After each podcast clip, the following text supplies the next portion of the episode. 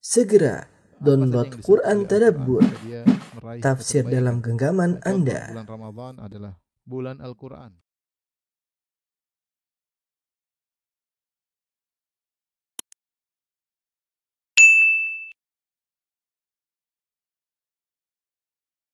Bismillahirrahmanirrahim. Assalamualaikum warahmatullahi wabarakatuh. Alhamdulillahi ala ihsani wa syukru lahu ala taufiqihi wa amtinani wa asyhadu an la ilaha illallah wahdahu la syarika lahu ta'ziman li sya'ni wa asyhadu anna Muhammadan abduhu wa rasuluhu da'ila ridwani. Allahumma salli alaihi wa ala alihi wa ashabihi wa ikhwani.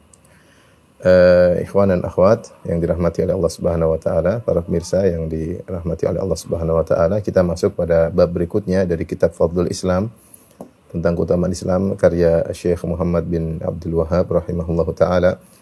Beliau membawa bab dengan bab qaulullahi atau babu qaulillahi ta'ala, bab tentang firman Allah Subhanahu wa taala, fa aqim wajhaka lid-dini hanifan fitratallahi allati fatara an-nasa 'alaiha la tabdila li khalqillah dzalika ad-dinul qayyim walakinna aktsaran nasi la ya'lamun. Maka hadapkanlah wajahmu kepada agama yang dengan hanif yang merupakan fitrah Allah yang telah Allah menciptakan manusia di atas fitrah tersebut. La tabdila li khalqillah, tidak ada perubahan pada fitrah Allah tersebut.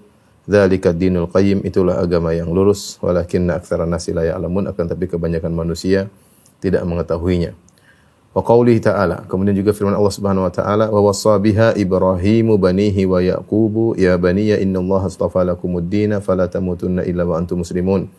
Dan Ibrahim pun mewasiatkan dengan kalimat Islam kepada anak-anaknya. Demikian juga Nabi Yakub mewasiatkan kalimat Islam kepada anak-anaknya dengan berkata, Ya baniya, wahai anak-anakku, inna Allah astafa lakumuddin. Sungguhnya Allah telah memilih bagi kalian agama, yaitu agama Islam. Fala tamutunna illa wa antum muslimun. Maka jangan sekali-sekali kalian meninggal dunia, kecuali dalam kondisi Islam. Wa qawlihi ta'ala dan juga firman Allah Subhanahu wa taala, "Tsumma auhayna ilaika an ittabi' millata Ibrahim hanifa wa ma kana minal musyrikin." Kemudian kami wahyukan kepada engkau hai Muhammad, an ittabi' an ittabi' millata Ibrahim hanifa. Ikutilah agama Ibrahim yang hanif wa ma kana minal musyrikin dan dia bukanlah termasuk orang-orang yang musyrik. Para ulama ketika membahas tentang pembahasan bab ini ya, uh, di antaranya Syekh Saleh Al-Syekh Fidahullah Ta'ala, dia, dia mengatakan bahwasanya maksud dari bab ini yaitu tentang keutamaan Islam yang Islam yang murni yang berada di atas fitrah yang tidak dirubah-rubah. Yang di mana Islam yang murni tersebut sesuai dengan fitrah kemudian itulah yang diwasiatkan oleh Ibrahim dan itu merupakan millahnya Ibrahim alaihissalam dan juga diwasiatkan oleh Nabi Yakub kepada anak-anaknya itulah Islam yang di atas tauhid yang tidak dirubah-rubah yang sesuai dengan fitrah yang Allah uh, tetapkan bagi manusia. Nah, barang siapa yang berislam dengan Islam yang murni, yang sesuai dengan fitrah, maka dia akan mendapatkan keutamaan ya. Sebagaimana akan datang penjelasannya bahwasanya orang-orang yang uh, menjalankan Islam sesuai dengan fitrahnya, tidak merubah-rubahnya, maka mereka akan mendatangi telaga Nabi Shallallahu alaihi wasallam pada hari kiamat kelak ketika manusia dalam kondisi kepayahan dan kepanasan di bawah terik matahari yang jaraknya cuma satu mil, ya sementara keringat bercucuran, uh, panas terik haus yang memuncak, uh, maka orang-orang yang berada di atas Islam yang benar akan mendatangi telaga Nabi Wasallam, lantas mereka akan minum dari telaga tersebut. Yang barang siapa yang minum dari telaga tersebut, maka dia tidak akan kehausan setelah itu. Adapun orang-orang yang merubah Islam tidak sesuai dengan fitrah, ya menambah-nambahinya, merubah-rubahnya, mencampurinya dengan kesyirikan atau dengan kebid'ahan, ya tidak sesuai dengan uh, Islam yang awal, maka mereka akan terhalangi dari kenikmatan tersebut. Ketika mereka hendak mendatangi telaga Nabi Shallallahu Alaihi Wasallam, maka mereka akan terusir atau diusir sehingga tidak bisa mendatangi telaga Nabi Shallallahu Alaihi Wasallam. Ketika Nabi bertanya kenapa demikian, kenapa mereka terhalangi, maka dikatakan kepada Nabi Shallallahu Alaihi Wasallam, Innahum qad ahdatsu ba'daka hadatsan. Sungguhnya mereka telah melakukan hadas itu bid'ah suatu yang baru setelah kepergianmu. Dalam riwayat yang lain, innahum qad ghayyaru wa baddalu. Sungguhnya mereka telah merubah dan mengganti ajaranmu setelah engkau meninggal dunia. Dalam riwayat yang lain, uh, mereka murtad setelah uh, wafatmu. Eh, ini maksud dari pembahasan bab ini sehingga Syekh Muhammad bin Abdul Wahab rahimahullah taala mengajak kita untuk ketika berislam Islam yang benar yang sesuai dengan peletakan pertamanya yaitu di atas tauhid. Tapi kita masuk pada ayat yang pertama. Allah Subhanahu wa taala berfirman, "Fa'aqim wajhaka lid-dini hanifan." Uh, tegakkanlah wajahmu kepada agama yaitu agama Islam hanifan. Hanif secara bahasa artinya mail ya, yaitu miring, condong. Jadi hanif sebagian orang menafsirkan dengan lurus, tapi secara bahasa hanif itu artinya adalah uh, condong, yaitu condong kepada tauhid uh, dan jauh dan menjauh dari uh, kesyirikan. Atau condong kepada sunnah, sunnah dan jauh daripada kebidaan itu seorang berusaha untuk beragama dengan menyondongkan diri. Itu selalu semangat, semangat menuju kebaikan, menuju pada tauhid, menuju kepada sunnah. Dan menjauhkan diri dari kesyirikan dan juga hal-hal yang menyimpang dari dari Islam. Makanya firman Allah fa'akim wajhaka tegakkanlah wajahmu dan kita tahu wajah adalah anggota tubuh yang paling mulia. Uh, ketika Allah mengatakan fa'akim wajhak tegakkan wajahmu yaitu seriuslah, seriuslah lidin ya untuk agama. Dan uh, Syekh Abdul Razak hafizahullah taala menjelaskan maksud dari ayat ini adalah seorang benar-benar serius terhadap agama baik bil qalb wa bil qalib yaitu dengan hatinya dengan uh, amalannya dengan raganya. Jadi serius. Fa aqim wajhaka yaitu luruskanlah wajahmu kepada tegakkanlah wajahmu kepada agama. Maksudnya ikhlaslah dalam beramal dan beramallah dengan amal yang benar. Ya ikhlaslah dan semangatlah dalam beramal. Hanifan yaitu dengan condong kepada kebenaran kepada tauhid dan menjauh daripada kesyirikan. Fitratallahi allati fataran nasa 'alaiha. Sungguhnya kecenderungan untuk tauhid itu ya condong kepada tauhid merupakan fitrah yang Allah telah tetapkan bagi manusia. Jadi manusia ketika diciptakan dia sudah punya fitrah Islam. Fitrah Islam. Makanya dalam hadis kata Rasulullah sallallahu alaihi wasallam Allah berfirman hadis qudsi kata Allah Subhanahu wa taala khalaqtu ibadi hunafa fa atathum syayatin fajattalathum an dinihim Kata Nabi SAW dalam hadis Qudsi Allah berfirman, Aku menciptakan hamba-hambaku semuanya hanif, yaitu condong kepada tauhid. Condong pada mengesahkan Tuhan. Condong pada kebenaran. Ya. Dan uh, itu fitrah, sesuai dengan fitrah. Kemudian datang syaitan, datang syaitan kemudian menggelincirkan, mengecilkan mereka dari fitrah tersebut, dari agama mereka. Ijtiyal, yaitu fajtalat humus syayatin, yaitu syaitan mencabut mereka dari fitrah, dirubah. ya tapi sebenarnya kalau setan tidak menggoda, mereka akan berada di atas fitrah dan akan mengenal Islam. Maksud dari uh, seorang diciptakan di Islam bukan maksudnya mengenal Islam secara sempurna, tidak ya. Tentunya kita semua ketika diciptakan tidak tahu apa-apa ya. Allah apa apa namanya uh, Allahu akhrajakum min butuni ummahatikum la ta'lamuna syai'a. Allah keluarkan kalian dari perut ibu kalian dalam kondisi tidak tahu apa-apa. Ya. Uh, tetapi meskipun seorang bayi keluar tidak memiliki apa-apa, tapi dia punya file. Allah sudah pasang file dalam dirinya. Itu disebut dengan fitrah. Yaitu dalam dirinya sudah ada file cenderung kepada tauhid. Makanya untuk mengajarkan orang kepada tauhid mudah. Buktinya anak-anak kita, kita nggak usah panjang lebar bahas uh, perbahasan yang panjang lebar ya dengan akal-akalan yang dalam tidak. Kita cuma suruh mereka sholat, mereka dengan fitrahnya Tuhan itu ada, dengan fitrahnya mudah ya fitrahnya mudah. Makanya kalau orang mau ateis dia melawan fitrahnya. Jadi maksud saya ayat ini menunjukkan bahwasanya eh, Allah menciptakan manusia dengan fitrah cenderung kepada tauhid, mengesahkan Tuhan dan apa namanya eh, jauh daripada kesyirikan ya. Tadi hanya saja syaitan datang kemudian merubah fajtalat humus syayatin andinim. Kemudian syaitan kemudian uh, syaitan kemudian mencabut manusia dari fitrahnya. Dalam hadis yang lain kata Nabi sallallahu alaihi wasallam, "Kullu mauludin yuladu 'alal fitrah." Sungguhnya setiap manusia itu di, di, dilahirkan di atas fitrah, yaitu di atas Islam. Fitrah maksudnya Islam. Fa abawahu yuwahida yuhawidanihi ya. Uh, wa, au, au. Ya, sungguhnya manusia itu setiap yang lahir di atas Islam, di atas fitrah maksudnya di atas Islam, namun kedua orang tuanya yang merubahnya menjadi Yahudi, ya yuhawidanihi atau merubahnya kepada Nasrani, Nasiranihi atau kedua orang tuanya merubahnya menjadi yumajisanihi menjadikan dia majusi. Seandainya orang tuanya tidak uh, memberi pengaruh maka seorang akan uh, tumbuh di atas uh, tauhid. Oleh karenanya Islam adalah agama yang fitrah, mudah diterima. Orang mendengar tentang Islam mudah, konsep ketuhanan sangat mudah. Tuhan Maha Esa, segala sesuatu diatur oleh Tuhan. Tapi kalau kita masuk pada konsep ketuhanan agama-agama yang lain, maka uh, tidak sesuai dengan fitrah. Ketika Tuhan berbilang, fitrah menolak. Ketika uh, agama mengajarkan harus menyembah hewan, fitrah menolak. Gimana hewan kita sembah? Menolak.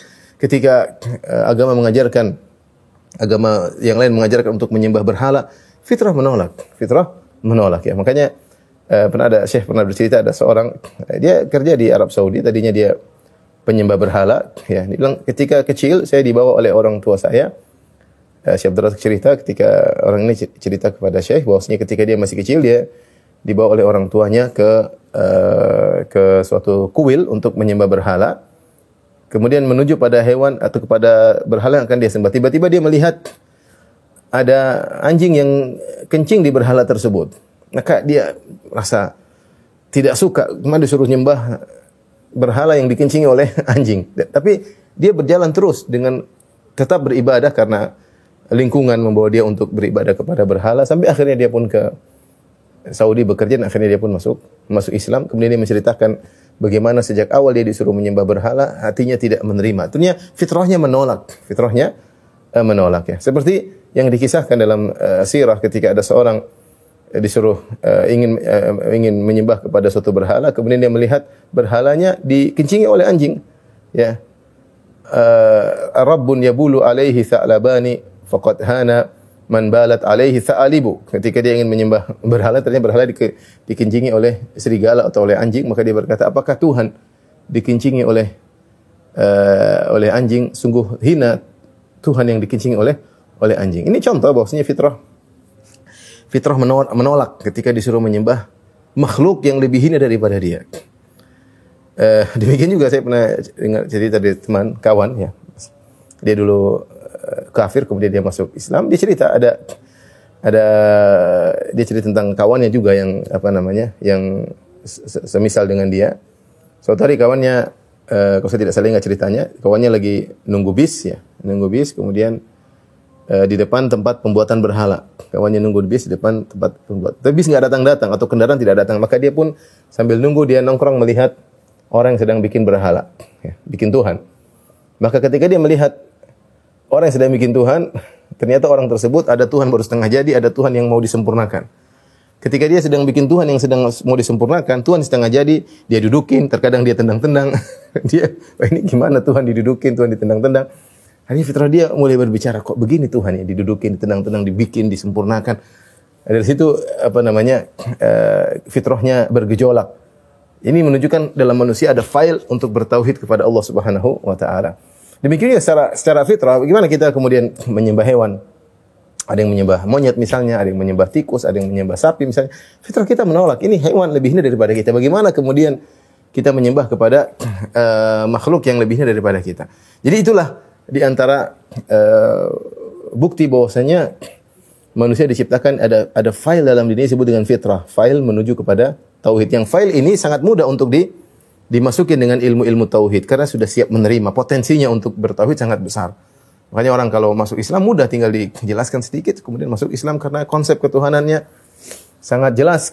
Tuhan Maha Esa, Qul huwallahu ahad, Allahu samad, lam yalid walam yulad, lam yakul lahu kufuwan ahad. Katakan ya Allah yang Maha Esa, dialah Allah yang tidak membutuhkan kepada selainnya dan semuanya butuh kepada Allah. Lam yalid walam yulad, dia tidak melahirkan dan tidak dilahirkan. Walam yakul lahu kufuwan ahad dan tidak satu pun yang setara dengan dia. Selesai urusan. Taib. Jadi ayat ini menjelaskan bahwasanya Allah merintahkan kita untuk ikhlas kepada Allah. Fa'akim wajhak. Kalau dikatakan luruskan wajahmu kepada agama maksudnya ikhlas. Ikhlas dengan dengan hati, bi qalbik wa bi qalibik dan juga dengan ragamu hendaknya kau beramal serius ikhlas kepada Allah ya sesuai dengan diajarkan oleh Allah Subhanahu wa taala. Fitratallahi allati fatara an-nasa alaihi. Ini fitrah yang telah Allah letakkan manusia di atasnya ya Kemudian la tabdila li khalqillah. Allah tidak akan merubah fitrah tersebut. Dzalika dinul qayyim. Inilah agama yang lurus walakinna aktsara nasi la ya'lamun. Akan tapi kebanyakan manusia tidak mengetahuinya. Benar. Kebanyakan manusia, mayoritas manusia keluar dari fitrah. Lari dari fitrah. Kalau kita bandingkan orang Islam dengan non muslim, yang Islam masih sedikit. Betapa banyak miliaran manusia nyembah berhala. Miliaran manusia nyembah sapi. Mungkin miliaran manusia mungkin menyembah nabi ya. Di antara kaum muslimin juga ada yang menyembah mayat-mayat ya. Uh, oleh karenanya uh, walakinna aktsara nasi la ya'lamun akan tapi kebanyakan manusia tidak mengetahui. Wa in tuti aktsar man fil ardi yudhilluka an sabilillah. Kalau kau mengikuti kebanyakan manusia di atas muka bumi, maka mereka akan menyesatkan engkau dari jalan Allah. Kebanyakan manusia keluar dari fitrah Allah Subhanahu wa taala. Wa qalilun min ibadiyas syakur, hanya sedikit dari hamba-hambaku yang bersyukur. Kemudian juga uh, firman Allah Subhanahu wa taala ya uh, wa ma yu'minu aktsaru wa aktsarun nas wa ma wa ma yu'minu walau harasta wa ma wa ma kana nasu walau harasta bi mu'minin ya dalam surat Yusuf ya. Wa ma nasi walau harasta bi mu'minin kata Allah Subhanahu wa taala tidaklah mayoritas manusia meskipun kau semangat untuk berhidayah kepada mereka wahai Rasulullah namun mayoritas mereka tidak tidak beriman tidak beriman. Oleh karenanya kebanyakan atau mayoritas manusia keluar dari fitrah Allah Subhanahu wa taala itu kenyataan yang kita kita lihat. Oleh karenanya kita hendaknya bersyukur atas nikmat tauhid nikmat Islam yang benar ya. Dan bahkan yang Islam saja tidak semuanya murni di atas tauhid. Masih sebagian masih tercampur dengan kesyirikan masih kita lihat saja di tanah air kita masih banyak ya, syirik-syirik kecil pamali-pamali lah jimat-jimat lah dukun-dukun lah masih banyak masih banyak masih banyak oleh karenanya bersyukur terhadap fitrah Allah Islam yang murni Kemudian Syekh Muhammad Wahab menyebutkan ayat berikutnya bahwa sabiha Ibrahimu banihi wa Yaqub. Ibrahim mewasiatkan kepada anak-anaknya. Anak-anak Ibrahim di antaranya Yakub, Ismail, ya. Eh, ya, ya, Ishak dan Ismail di antaranya anak Ishak dan Ismail. Wa Yakub demikian juga Yakub mewasiatkan kepada anak-anaknya. Ibrahim berwasiat untuk ber, ber, ber, untuk kokoh di atas Islam sampai meninggal. Sebagaimana Yakub mewasiatkan kepada anak-anaknya, ya. Yang 12 di antaranya Yusuf alaihissalam, Binyamin dan yang lainnya agar kokoh di atas Islam sampai mati. Apa perkataan mereka? Ya baniya, wahai putra-putraku, Inna Allah astafa lakumuddin. Sungguhnya Allah telah milihkan bagi kalian agama. Agama yang diridhai oleh Allah. Tidak ada agama selain ini. Agama Islam. Fala tamutunna illa wa antum muslimun. Maka janganlah kalian meninggal kecuali kalian dalam kondisi Islam. Ya. Dalam kondisi Islam. Maka wa qawlihi ta'ala, ini menunjukkan bahwasanya Nabi Yakub dan Ibrahim waspada. Hendaknya kalian bertahan di atas Islam. Jangan sampai berubah.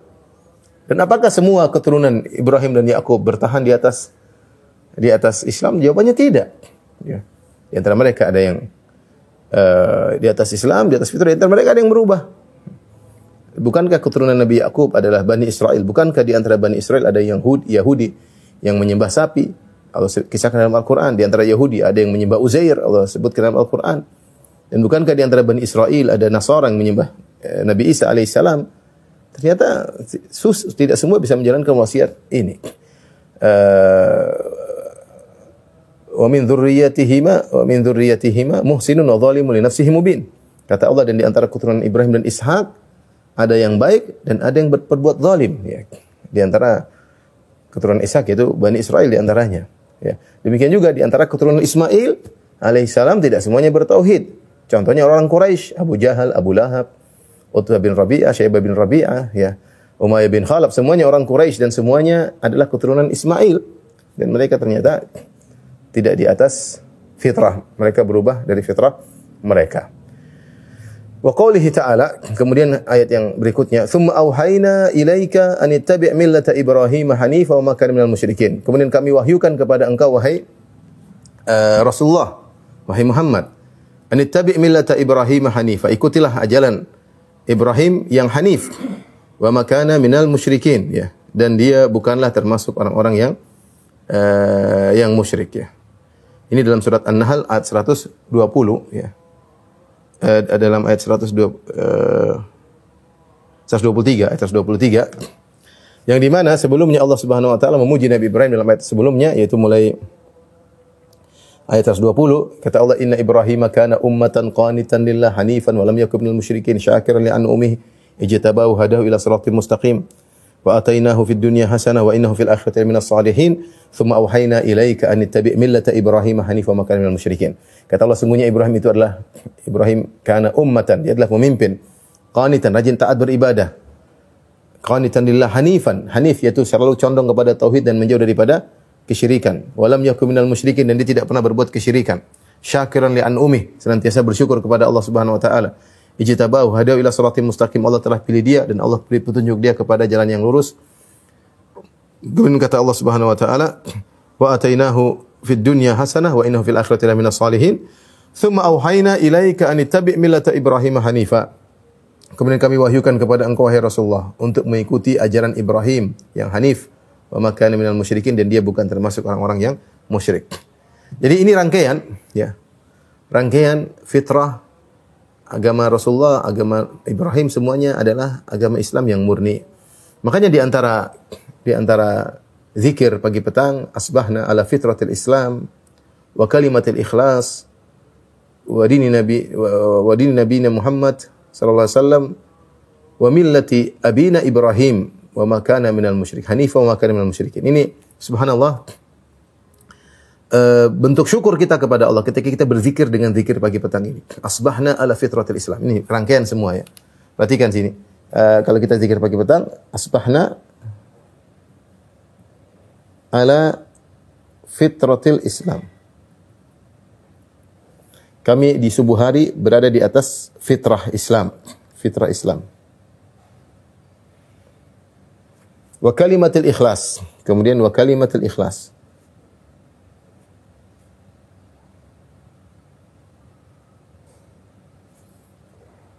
Kalimat keikhlasan. Itu murni hanya kepada Allah Subhanahu wa taala. Kemudian wa din nabiyina Muhammad. Wa dini nabiyina Muhammad sallallahu alaihi wasallam wa millati abina Ibrahim. Hanif wa minal musyrikin dan dia bukan termasuk orang yang musyrik. Agama Muhammad sallallahu alaihi wasallam. Kemudian millah Ibrahim. Agama sama Ibrahim. Empat perkara ini, satu, dua, tiga, empat, semua berkaitan. Inilah Islam yang murni. Islam yang murni. Maka ketika kita mengucapkan zikir pagi petang di pagi hari, asbahna ala fitratil Islam. Benar-benar kita renungkan, kita bersyukur. Ya ikhwan, betapa banyak manusia tidak di atas tauhid. Betapa banyak manusia miliaran manusia nyembah berhala. Miliaran manusia menyembah hewan, miliaran manusia menyembah manusia. Betapa banyak orang-orang masih bergelimang dengan kesyirikan, masih percaya dukun, masih percaya jimat-jimat, masih percaya pamali-pamali, masih terjebak dengan berbagai macam keyakinan. Maka kita bersyukur dengan mengatakan asbahna ala fitratil Islam. Semuanya kita di pagi ini bersyukur berada di atas fitrah Islam. Wa kalimatil ikhlas. Di atas kalimat yang ikhlas, murnikan ibadah hanya untuk Allah Subhanahu wa taala. Wa di Nabi Muhammad, as agama Nabi Muhammad sallallahu alaihi wasallam, millati abina Ibrahim dan millahnya Ibrahim ya, hanifa wa makana minal musyrikin yang condong kepada tauhid dan dia tidak pernah berbuat kesyirikan. Ini uh, uh, ayat-ayat yang disebutkan oleh uh, penulis terkait dengan bab ini agar kita senantiasa berada di atas agama yang lurus, agama yang uh, tidak dirubah-rubah dan tidak diganti-ganti, tidak ditambah-tambahin, tidak dikurang-kurangin agar kita bisa meraih keutamaan uh, Islam tersebut. Kemudian kita masuk pada uh, hadis ya.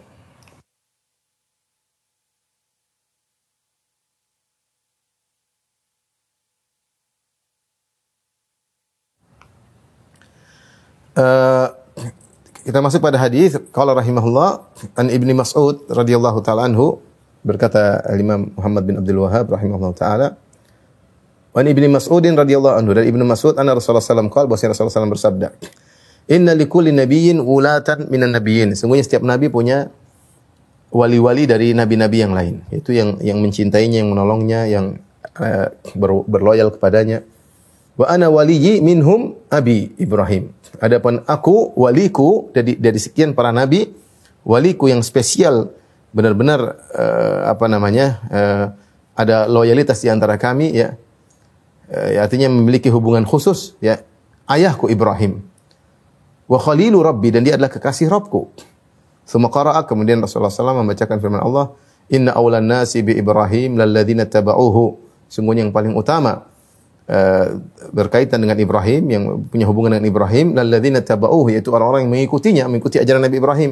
Wa hadzal nabi dan nabi ini Nabi Muhammad sallallahu alaihi wasallam walla- walladzina amanu.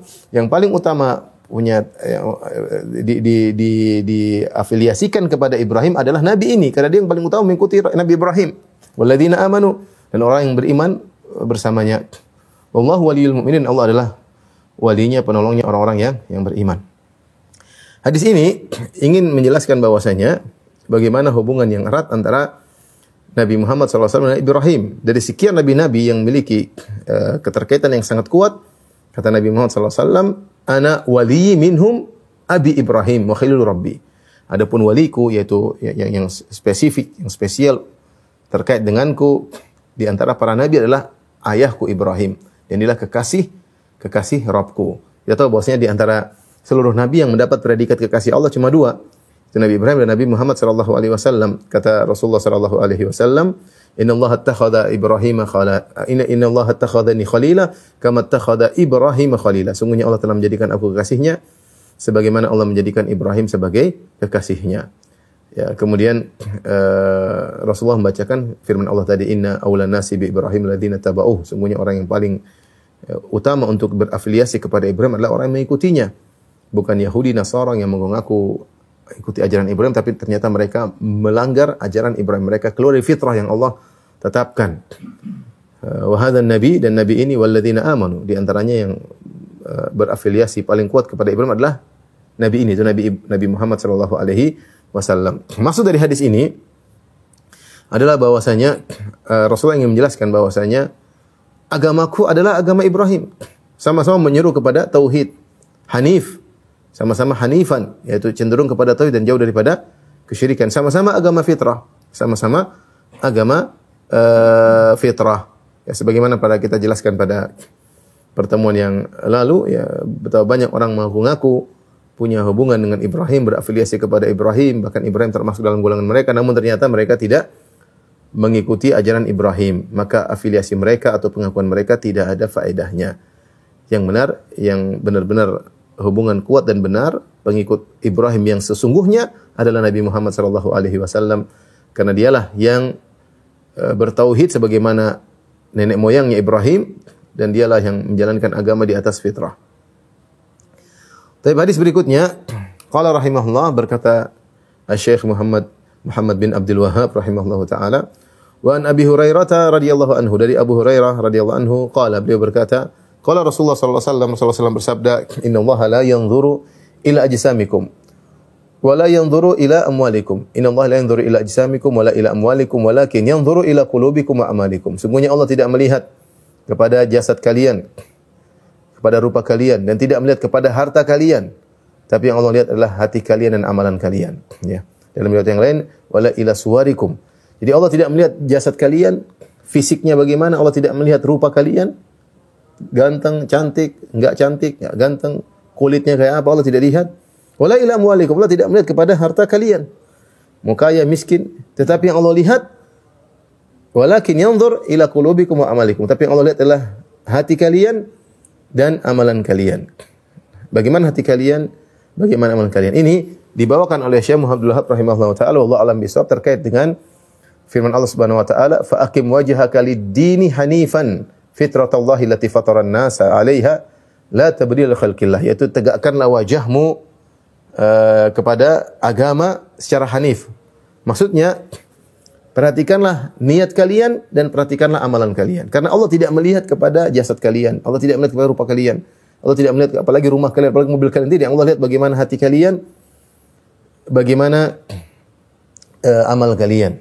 Karena iqamatul wajh lid-din fa akim wajhaka lid-din. Tegakkanlah wajahmu kepada agama mengharuskan engkau benar-benar fokus biqalbika wa qalibik. Sebagaimana kata Syekh Abdul Razak hafizahullah taala itu kau fokus menuju agama dengan hatimu dan dengan amalanmu.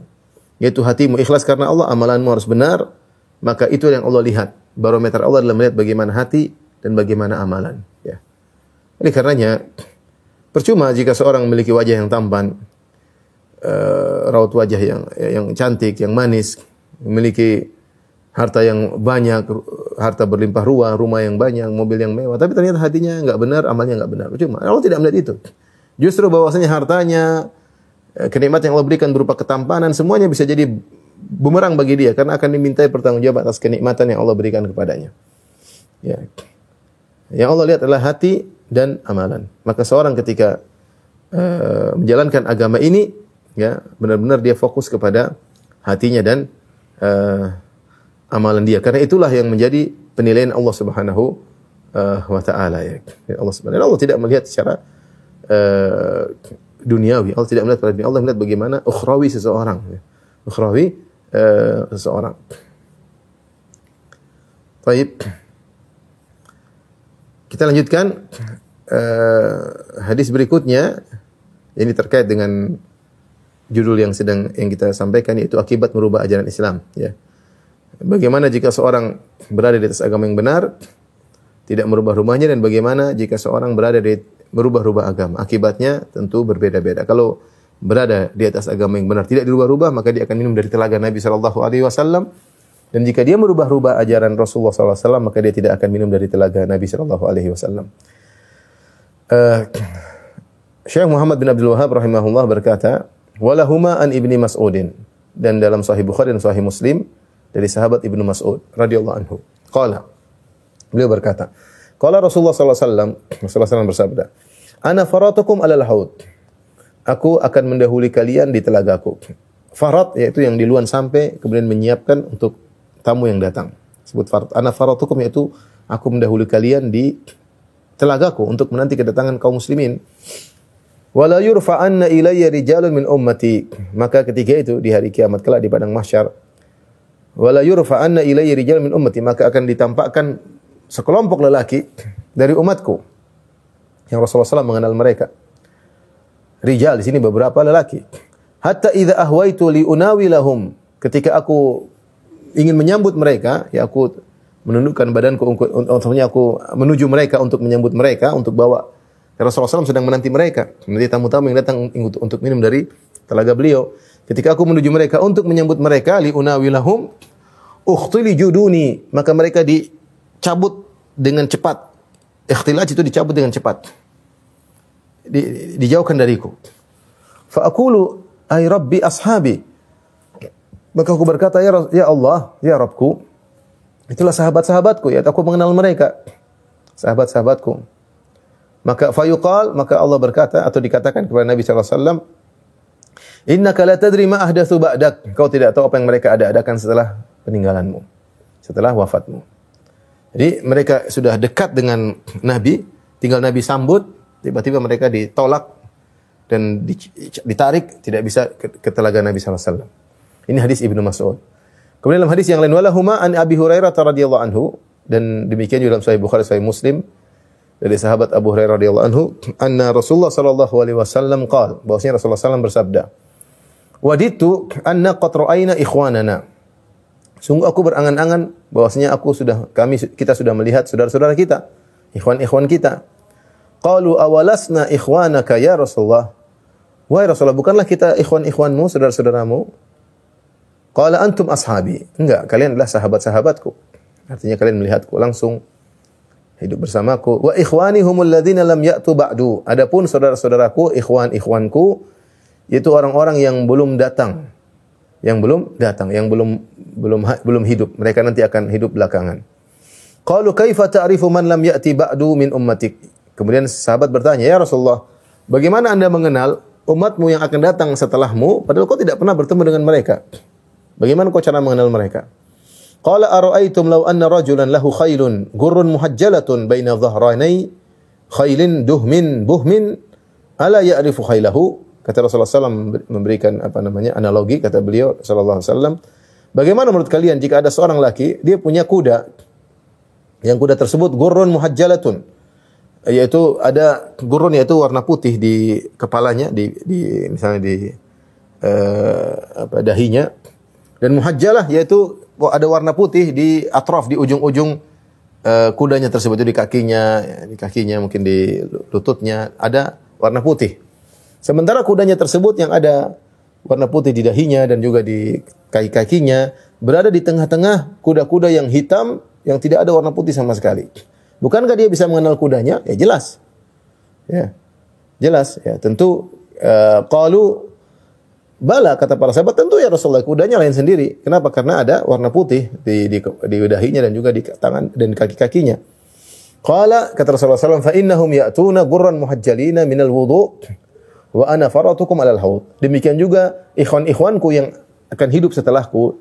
Nanti mereka datang pada hari kiamat dalam kondisi gurran muhajjalin, dalam kondisi bercahaya wajah mereka, bercahaya tangan-tangan dan kaki-kaki mereka karena bekas wudu. Jadi menyebabkan mereka bercahaya, bersinar wajah mereka karena mereka berwudu mengusap wajah, mengusap kedua tangan, mengusap kedua kaki, membasuhi kedua kaki. Wa ana faratukum alal dan aku akan berada di telaga mendahului kalian menunggu kalian, menunggu mereka. Ala la yudhadanna rijalun an haudi kama yudhadu al-ba'iru dhalu unadihim ala halumma. Ketahuilah bahwasanya akan ada sekelompok orang dihalangi dari telagaku. Dia mau datang dihalang-halangi. Sebagaimana ada onta yang tersesat ingin datang ke tempat air orang lain. Onta ini datang ingin minum dari tempat minum yang orang onta lain, maka pemilik onta menolak. Ini onta tersesat. Kamu cari tempat minum sendiri. Ini minuman buat onta-onta saya. Kata Rasulullah SAW akan ada sekelompok orang lelaki yang terusir atau dihalangi dari telagaku sebagaimana ada onta yang tersesat diusir dari pemilik tempat air menolak onta tersebut karena bukan tempat air minumnya. Diusir. Unadihim, aku menyeru mereka. Kenapa mereka terus kata aku, halumma, silakan kemari, kemari. Fayuqalu innahum qad baddalu ba'dak. Maka dikatakan kepadaku, sungguhnya mereka itu terusir dari telaga karena mereka telah merubah-rubah agamamu setelah wafatmu. Fa'akulu suhkan suhkan. Maka kataku, jauh, jauh celaka dan celaka. Walil Bukhari, ini riwayat Abu Hurairah. Walil Bukhari dalam riwayat Bukhari, Kata Rasulullah SAW, Baina ana qaimun idha zumratun hatta idha araftuhum. Ketika aku sedang berdiri, maksudnya di telaga, tiba-tiba ada serombongan orang, sampai ke ketika aku mengenal mereka, rombongan ini aku kenal mereka. Yaitu Rasulullah SAW pernah bertemu mereka semasa hidup. Kharaja rajulun min baini wa bainahum. Maka keluarlah salah seorang dari mereka, antara aku dengan mereka, ada seorang tiba-tiba keluar. Sebenarnya mengatakan, Sepertinya itu malaikat utusan Allah. Faqala halumma kata orang ini kepada rombongan tadi, sini sini sini. Fakultu aina, aku berkata ke mana? Kenapa mereka tidak digiring kepada telagaku? Orang ini mengatakan tidak, sini sini sini. Kultu ke mana mereka mau dibawa? Qala ilan nar, wallahi. Maka orang ini yang mungkin jemaat malaikat berkata, ini semua rombongan akan dibawa ke neraka. Demi Allah akan dibawa ke neraka. Kultu wa ma sya'nuhum? Aku bertanya, kenapa mereka dibawa ke neraka? Qala innahum murtaddu ba'daka ala adbarihim al-qahqara. Mereka murtad setelah wafatmu. Mereka mundur ke belakang, mereka murtad.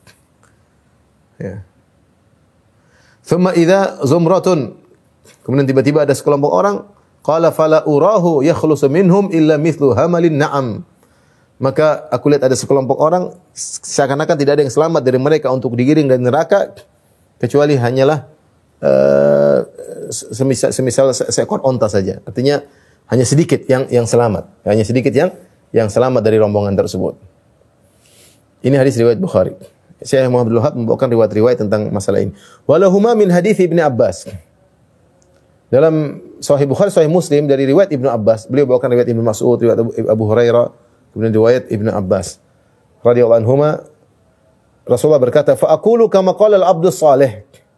Maka aku berkata ketika dikatakan kepada Nabi, sungguhnya kau tidak tahu apa yang mereka ada-adakan setelah sepeninggalmu wahai Rasulullah, maka aku berkata sebagaimana perkataan hamba yang soleh yaitu Nabi Isa alaihissalam.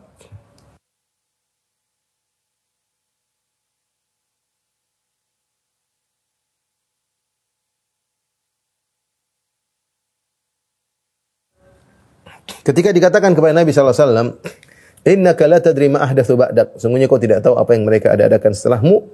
Maka aku mengatakan, fa aqulu kama qala al-abdu salih. Maka aku berkata sebagaimana perkataan Nabi Isa, hamba yang saleh. Wa kuntu alaihim syahidan ma dumtu fihim. Aku hadir bersama mereka umatku ketika aku masih hidup bersama mereka. Falamma tawaffaitani tatkala kau angkat aku ya Allah, kunta antar raqiba alaihim. Engkau yang mengawasi mereka. Wa anta ala kulli syai'in syahid. Dan sungguhnya engkau maha menyaksikan segala sesuatu. Artinya ketika Allah bertanya kepada Nabi Isa, "Anta qulta lin-nasi ittakhiduni wa ummi ilahaini min dunillah?" Wahai Isa, Nanti pada hari kiamat kelak Allah hadirkan Nabi Isa dan hadirkan orang-orang Nasara. Di hadapan Nabi Isa Allah berkata, "Ya wahai Isa, apa kau nyuruh mereka ini? Kau pernah berkata, jadikanlah aku Isa dan ibuku Bunda Maria Tuhan-Tuhan selain Allah." Kata Isa, "Tidak pernah ya Allah." Ma qultu lahum illa ma amartani bihi an ibudullah rabbi wa rabbakum. Aku tidak pernah ngomong sama umatku kecuali seperti yang kau perintahkan kepadaku. Aku hanyalah seorang rasul. Aku sampaikan kepada mereka sembahlah Robku dan Rob kalian yaitu Allah semata. Wa kuntu alaihim syahidan dan aku waktu masih hidup mereka tidak begitu. Aku hadir bersama mereka wa kuntu alaihim syahidan ma dumtu fihim ketika aku bersama mereka mereka tidak demikian. Falamma tawaffaitani tatkala kau angkat aku, engkau yang mengawasi mereka. Nabi Isa tidak tahu ternyata umatnya berubah kemudian menyembah dirinya dan menyembah ibunya. Tapi ini hadis uh, merupakan kabar gembira sekaligus merupakan peringatan. Kabar gembira bagi orang-orang yang menjalankan ajaran Islam sesuai dengan syariat Islam, tidak merubah-rubah, tidak menambah-nambah, tidak mengurang-urangi uh, di atas tauhid, di atas sunnah Nabi sallallahu alaihi wasallam, tidak melakukan bid'ah, tidak melakukan perubahan-perubahan pada ajaran Nabi Muhammad sallallahu alaihi wasallam, maka mereka akan minum dari telaga Nabi sallallahu alaihi wasallam. Dan ini peringatan keras bagi orang-orang yang melakukan perubahan-perubahan, melakukan bid'ah-bid'ah dalam akidah, dalam amalan ya. Muhdatsat fil i'tiqad, muhdatsat fil a'mal, melakukan perubahan-perubahan dalam ajaran-ajaran Rasulullah, maka mereka terancam.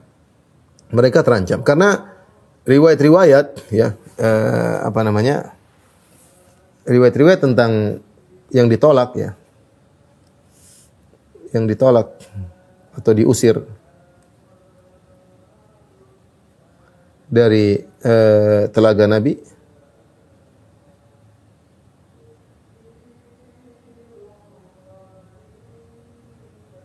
ada tiga model. Yang pertama adalah yang murtad. Yang murtad. Yang kedua yang merubah dan badalu wa ghayyaru ya. Badalu wa ghayyaru. Merubah. Kemudian ahdatsu hadatsan. Berbuat bid'ah. Ahdatsu berbuat bid'ah. Uh, murtad jelas ya, dan ini sudah di zaman Nabi wasallam. Uh, ketika Rasulullah SAW meninggal dunia, di zaman Nabi ada yang murtad dan setelah Rasulullah SAW meninggal juga banyak yang murtad seperti Arab-Arab Badui ya. Arab-Arab Badui yang baru masuk Islam, yang iman mereka tidak tidak kokoh yang baru masuk Islam. Kemudian juga para pengikut nabi-nabi yang baru, pengikut nabi-nabi baru seperti Musailimah Al-Kadzab ya kemudian Sejah ya kemudian juga dan nabi-nabi yang lain ini mereka murtad dan mereka diperangi oleh Abu Bakar radhiyallahu taala demikian juga yang mengingkari uh, syariat zakat ya, murtad juga ya. Adapun yang badalu wa ghayyaru sebagian ulama menafsirkan bahwa ini adalah orang-orang yang orang-orang zalim. Orang-orang uh, apa namanya? zalim yang menyiksa manusia, penguasa yang zalim ya yang merubah uh, hukum-hukum Allah kemudian merubah sehingga menzalimi masyarakat ya ini juga terancam. Mereka meskipun mereka muslim. Kemudian ahdatsu hadatsan berbuat bid'ah mereka mengatakan bid'ah-bid'ah besar ya seperti qadariyah ya. misalnya qadariyah kemudian mu'tazilah ya. Uh, khawarij dan lain-lain syiah dan lain-lainnya. Artinya uh, semakin parah bid'ah-bid'ah maka semakin kemungkinan terusir ya. Uh, dan seorang berusaha untuk membersihkan dirinya dari uh, semua semua bid'ah semaksimal mungkin ya. Kalau dia sudah berusaha ternyata dia masih terjerumus, insya Allah Allah Maha mengampuni karena dia sudah berusaha dia akan dapat uzur dari Allah Subhanahu wa taala. Uh, oleh karenanya uh, hadis ini merupakan kabar gembira dan juga peringatan keras bahwa di sana ada orang-orang yang eh, KTP-nya Islam namun mereka terusir dari telaga Nabi sallallahu alaihi wasallam. Eh ikhwan akhwat yang rahmati Allah Subhanahu wa taala ya. Sebagian alul bidah seperti orang-orang Syiah, mereka berusaha memanfaatkan hadis ini untuk mengkafirkan para sahabat. Kata mereka, lihatlah Rasulullah SAW mengenali sahabat, berarti para sahabat banyak yang kafir kafir sehingga mereka mengatakan semua sahabat kafir Abu Bakar, Umar, Uthman, Muhajirin Ansar semuanya kafir. Yang tidak kafir cuma ada yang mengatakan 8 orang, memang cuma 4 orang. Al-Miqdad, kemudian Ammar bin Yasir ya. Eh, kemudian beberapa orang ya kata mereka tidak murtad. Lainnya semuanya murtad. Ya, lainnya murtad. Mereka berdalil hadis ini katanya Rasulullah mengenal sahabat ternyata sahabat sudah murtad kata Allah Subhanahu wa taala. Maka bantannya bagaimana? Bantannya mudah ya. Pertama, eh, riwayat-riwayat menunjukkan bahwasanya yang Rasulullah kenali tersebut eh, artinya pernah hidup di zaman Nabi dan Nabi pernah melihat mereka dan Nabi pernah mengenal mereka. Dalam riwayat disebut rijalun. Ada sekelompok orang, ya. Dalam riwayat juga tadi zumrah, sekelompok orang. Ya, bukan bukan ribuan orang enggak. Kita tahu bahwasanya kaum Muhajirin kaum Ansar ribuan orang.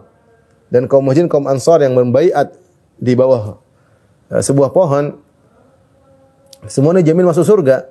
Kata Allah Subhanahu wa taala, "Laqad radiyallahu 'anil mu'minin idh yubayyi'unaka tahta syajarah fa'alima ma fi qulubihim." Sungguh Allah telah ridha kepada para sahabat yang bait engkau di bawah sebuah pohon. Itu kaum Muhajirin kaum Ansar ketika perjanjian Hudaybiyah. Jumlah mereka 1400 orang. Ya. Ini orang Syiah ingin mengatakan mereka semua kafir berdalil dengan hadis ini. Padahal hadis ini jelas rijalun, sekelompok orang. Artinya tidak banyak. Demikian juga dalam riwayat Usaihibi. Usaihibi ya. Yaitu sahabat-sahabat ini Allah Rasulullah menggunakan kalimat tasgir yang menunjukkan jumlah yang yang sedikit. Jumlah yang yang sedikit ya. Jadi eh, para ulama sepakat bahwasanya yang dimaksud dengan orang-orang ini bukanlah kaum muhajirin, bukanlah kaum kaum ansar. Bagaimana bisa dimasukkan kaum muhajirin, kaum ansar dikatakan kafir sementara dalam Al-Quran Allah memuji mereka banyak sekali dalam ayat dalam Al-Quran. Jadi ini orang Syiah ingin mengkafirkan para sahabat dengan hadis ini namun tidak tepat ya. Kemudian yang meriwayatkan hadis ini juga para sahabat yang mereka kafirkan. Siapa yang mereka kafirkan? Ibnu Mas'ud, Abu Hurairah meriwayatkan hadis ini. Mereka bilang Abu Hurairah Ibnu Mas'ud kafir ya. Terus bagaimana mereka menerima hadis-hadis para sahabat yang mereka kafirkan para sahabat uh, tersebut. Jadi tidak uh, tidak benar ya. Kemudian faedah dari hadis ini yang terakhir bahwasanya Nabi Shallallahu alaihi wasallam tidak tahu masa depan, tidak tahu hal gaib. Makanya ketika Rasulullah SAW melihat sebagian orang yang dia kenal dibawa ke neraka jahanam, Rasulullah SAW bertanya, "Kenapa?" Kenapa? Maka dijelaskan, Innaka la tadri ma ahdatsu ba'da. Kau tidak tahu mereka melakukan bid'ah setelah engkau. Rasulullah tidak tahu. Innaka la tadri. Jelas Allah berkata atau malaikat yang berkata, Innaka la tadri. Kau tidak tahu. Artinya ketika Rasulullah SAW meninggal dunia di kubur, Rasulullah tidak tahu kejadian-kejadian. Ya. Sehingga ketika ada yang murtad, Rasulullah SAW tidak tahu. Adapun perkataan orang Sufia yang mengatakan Rasulullah SAW keluar jalan-jalan ke sini, keliling di Surabaya, ya. Semua orang hadiri acara maulid ini, maulid sana. Ya berarti Nabi tahu kondisi politik dong, karena acara maulid hampir setiap sebagian orang mungkin tiap hari ada acara maulid ya. Hadir acara maulid ini, hadir acara maulid, acara maulid. Kemudian kunjungi Habib Fulan, kunjungi Habib Fulan. Berarti Nabi tahu kondisi alam semesta. Nabi tahu kondisi, Nabi keluar-keluar jalan-jalan. Ini semua dibantah dengan hadis ini. Dan hadis ini mutawatir. Bahkan Nabi berdalil dengan orang soleh sebelumnya Nabi Isa alaihissalam ketika Allah bertanya, apakah kau pernah menyuruh wahai Isa bin Maryam agar orang-orang menyembahmu dan menyembah ibumu? Kata Nabi Isa, aku tidak pernah bilang demikian. Ya, selama aku hidup mereka tidak demikian. Wa kuntu alaihim syahidan. Allah sebut dalam Al-Qur'an. Wa kun dalam surat Al-Maidah ayat 117, wa kuntu alaihim syahidan. Aku hadir saksi di antara mereka ketika madum tufim ketika aku masih mereka bersama mereka. Falamma tawaffaitani tatkala kau angkat aku, aku tidak tahu lagi. Ya, aku tidak tahu apa yang terjadi. Dengan tidak benar khurafat yang mengatakan Rasulullah SAW keluar hid, uh, ketemu orang kemudian ngajarin uh, ilmu-ilmu baru yang para sahabat dia tidak tahu ya.